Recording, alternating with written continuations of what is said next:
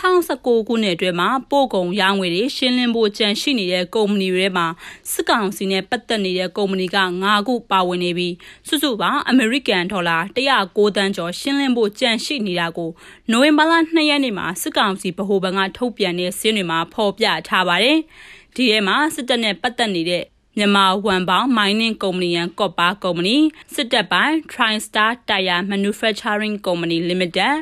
မြရီ Trading Limited နိုင်ငံပိုင်တွေဖြစ်တဲ့မြန်မာ Post and Telecommunication နဲ့မြန်မာ Pharmaceutical Industry တို့ပါဝင်နေတာပါ။ ဒီကုမ္ပဏီတွေမှာ2021ခုနှစ်အာဏာသိမ်းပြီးတဲ့နောက်ပိုင်းမှာအမေရိကန်ရဲ့ပိတ်ဆို့မှုကိုခံခဲ့ရတယ်လို့စစ်ကောင်စီနဲ့ပတ်သက်နေတဲ့တရုတ်ဂျင်းနီတူးဖော်ရေးကုမ္ပဏီမြန်မာဝန်ပေါင်မိုင်းနင်းကုမ္ပဏီကတော့ပို့ကုန်ရောင်းငွေတွေရှင်းလင်းဖို့အမေရိကန်ဒေါ်လာ103တန်းကျော်ထိကျန်ရှိနေတာပါ။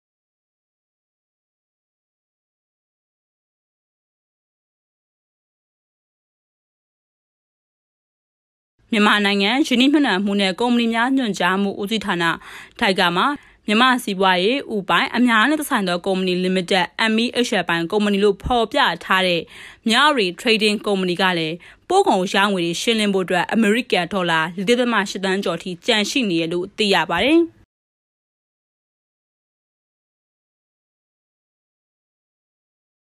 မြန်မာစစ်တပ်ပိုင်းမြန်မာစီးပွားရေးကော်ပိုရေးရှင်း MEC ကတာယာထုတ်လုပ်တဲ့ TriStar Tire and Manufacturing Company ကလည်းပို့ကုန်ရောင်းငွေတွေဖြစ်တဲ့ American ဒေါ်လာ8သိန်းကျော်ကိုရှင်းလင်းဖို့ကြံရှိနေရလို့စစ်ကောင်စီဗဟိုဘဏ်ရဲ့စင်းတွေမှာဖော်ပြထားပါတယ်။ဗဟိုဘဏ်ကတော့ဒီလိုရှင်းလင်းဖို့ကြံရှိနေတဲ့ကုမ္ပဏီပေါင်း663ခုအမေရိကန်ဒေါ်လာတန်ပေါင်း980ကျော်ရှိနေရလို့ထုတ်ပြန်ထားတာဖြစ်ပြီးဒီကုမ္ပဏီတွေအနေနဲ့ရက်30အတွင်းမရှင်းလင်းမှုဆိုရင်ပို့ကုန်သွင်းကုန်လှုပ်ထုံးလုပ်နည်းတွေ နိုင်ငံခြားအသုံးငွေစီမံခန့်ခွဲမှုဥပဒေတွေနဲ့အရေးယူသွားမယ်လို့ကြေညာထားတာပါ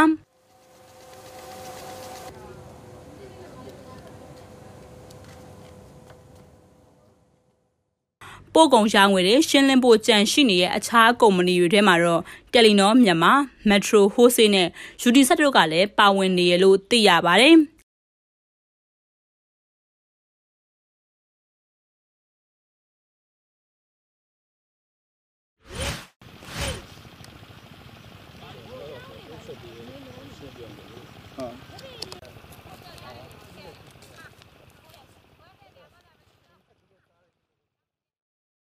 မြန်မာနိုင်ငံကနေဘင်္ဂလားဒေ့ရှ်နိုင်ငံကိုစက်သွန်တွေတင်ပို့တဲ့နေရာမှာအရေးသွေးမကောင်းတဲ့စက်သွန်တွေပါဝင်ခဲ့တဲ့အတွက်ဘင်္ဂလားဒေ့ရှ်နိုင်ငံကမြန်မာစက်သွန်တွေကိုဈေးနှိမ်ပြီးအဝယ်လျှော့ချလာတယ်လို့စက်သွန်ကုန်သည်တွေရဲ့ပြောဆိုမှုကနေသိရပါဗျ။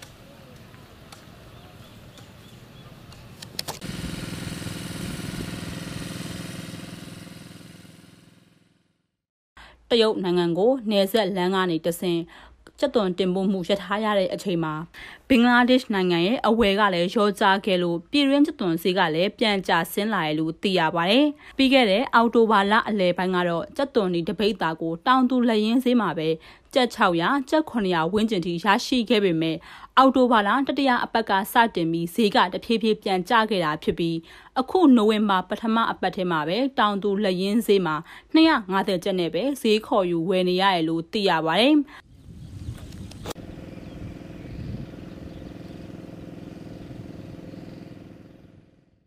ဒါပေမဲ့အဲ့ဒီဈေးကတော့ထုတ်လုပ်မှုကုန်ကျဈေးအောက်ကိုရောက်ရှိနေတဲ့အတွက်လည်းအယောင်းဝယ်မဖြစ်ဘူးလို့သိရပါတယ်။ကျက်သွန်နီကိုမန္တလေးတိုင်း၊စကိုင်းတိုင်းနဲ့မကွေးတိုင်းတွေမှာအဓိကထားစိုက်ပျိုးတာဖြစ်ပြီးတခြားပြည်နယ်နဲ့တိုင်းတွေမှာလည်းစိုက်ပျိုးလေးရှိရလဲဖြစ်ပါတယ်။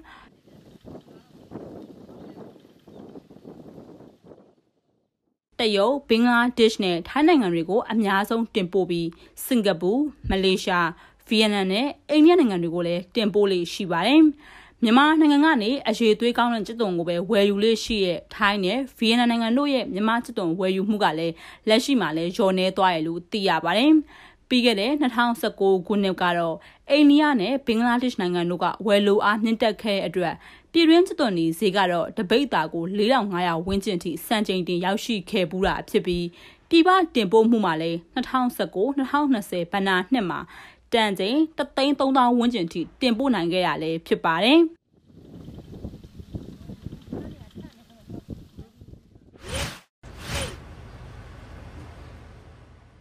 အိန္ဒိယနိုင်ငံကမြန်မာနိုင်ငံကထွက်ရှိတဲ့မှတ်ပဲတွေကိုအချိန်နှစ်လသက်တမ်းတိုးပြီးရသလောက်ဝယ်ယူနေတဲ့အတွက်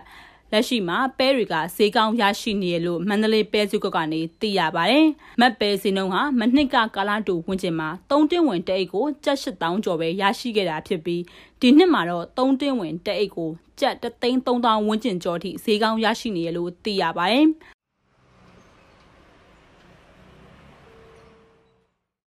လက်ရှိမန္တလေးပဲစည်းကွက်ထဲမှာကုန်းဆိုင်မပဲတွေကနှဲပါလာတဲ့အတွက်ရေသွင်းစိုက်ပျိုးတဲ့ မတ်ပဲတွေကဈေးကွက်အတွင်းကိုအစားထိုးဝင်ရောက်လာတဲ့အတွက်အိန္ဒိယနိုင်ငံနဲ့လည်းဆက်လက်ပြီးတော့အယောင်းဝယ်ပြုနိုင်ရလို့သိရပါတယ်။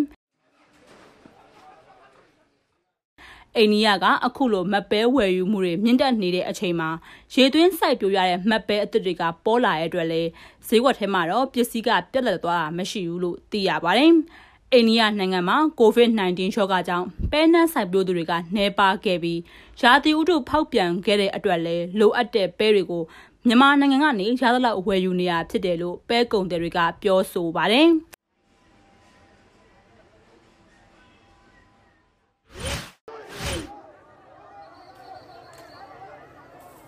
မြန်မာနိုင်ငံမှာစစ်တပ်ကအာဏာသိမ်းပြီးတဲ့နောက်ပိုင်းမှာအရက်သားတွေကိုလူသားမျိုးနွယ်ပေါ်ကျူးလွန်တဲ့ပြစ်မှုတွေကိုစနစ်တကျနဲ့ကြည်ကြဲပြန့်ပြန့်ရှိနေတာတွေကိုတွေ့ရတယ်လို့ကုလသမဂ္ဂရဲ့မြန်မာနိုင်ငံဆိုင်ရာလွတ်လပ်တဲ့စုံစမ်းစစ်ဆေးမှုရှမ်းနေရ IIMM ကပြောဆိုတဲ့အကြောင်းကို AP သတင်းမှာဖော်ပြထားပါတယ်။ IIMM အဖွဲ့ကစစ်အာဏာသိမ်းခဲ့တဲ့ဖေဖော်ဝါရီလ၁ရက်နေ့ကနေစတင်ပြီးမြန်မာနိုင်ငံအတွင်းအရက်သားတွေကြီးမားတဲ့ပြစ်မှုကျူးလွန်မှုတွေခံရရတဲ့ပတ်သက်လို့အချက်လက်တွေစုဆောင်းခဲ့တာတပ်တွေအထောက်ထားပေါင်းကတသန်းခွဲကျော်လောက်ရရှိထားရလို့ဆိုပါတယ်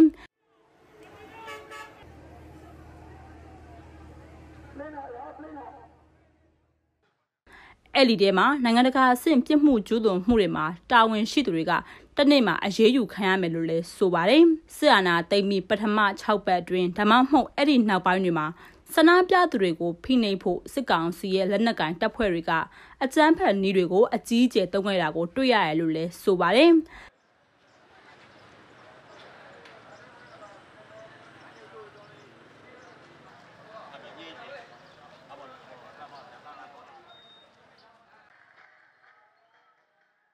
သက်သေထောက်ထားတွေထဲမှာတပ်ပုံဗီဒီယိုရုံးတင်စစ်ဆေးမှုနဲ့လူမှုကွန်ရက်တွေမှာဖြန့်ချီမှုတွေလည်းပါဝင်ပြီးဒီထောက်ထားတွေကနေတဆင့်ပြစ်မှုတွေဖြစ်ခဲ့တယ်ဘသူတွေကပြစ်မှုတွေကျူးလွန်ခဲ့တယ်ဆိုတာတွေကိုပြနိုင်မယ်လို့လည်းအဖွဲ့ရဲ့ခေါင်းဆောင်နီကိုလတ်ကပြောဆိုခဲ့တာဖြစ်ပါတယ်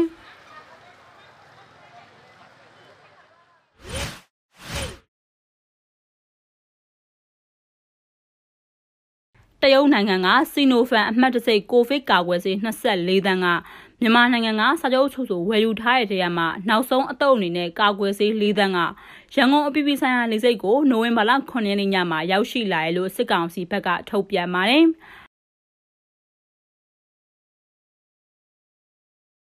ဝယ်ယူထားတဲ့စီနိုဖန်အမှတ်တစိတ်ကိုဗစ်ကာကွယ်ဆေးစုစုပေါင်း24သန်းက6ကြိမ်ခွဲပြီးရောက်ရှိခဲ့တာဖြစ်တယ်လို့ဆိုပါတယ်။ ထပ်ပြီးရောက်ရှိလာတဲ့ကာကွယ်ဆေးတွေကိုတိုင်းဒေသကြီးနဲ့ပြည်နယ်တွေရဲ့လိုအပ်ချက်အရအေးအကြောင်းမပြတ်ဆက်လက်ဖြန့်ဝေပေးသွားမယ်လို့လည်းစစ်ကောင်စီကဖော်ပြပါတယ်။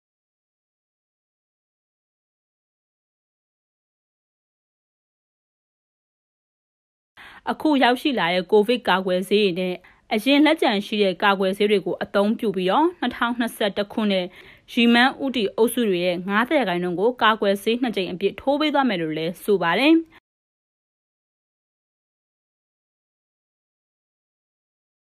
COVID-19 ရောဂါကာကွယ်ထိန်းချုပ်ဖို့အတွက်တိုင်းဒေသကြီးနဲ့ပြည်နယ်တွေမှာ COVID-19 ရောဂါကာကွယ်ဆေးတွေကိုထိုးနှံပေးနေတဲ့နေရာမှာနိုဝင်ဘာလ6ရက်နေ့ထိတော့လူဦးရေစုစုပေါင်း73.6တန်းကိုထိုးပေးပြီးဖြစ်ပြီးကာကွယ်ဆေးနှစ်ကြိမ်အပြည့်ထိုးပြီးသူက8.24တန်းနဲ့ပထမအကြိမ်ထိုးပြီးသူက9.65တန်းရှိပြီဖြစ်တယ်လို့စစ်ကောင်စီဘက်ကထုတ်ပြန်ထားတာဖြစ်ပါတယ်။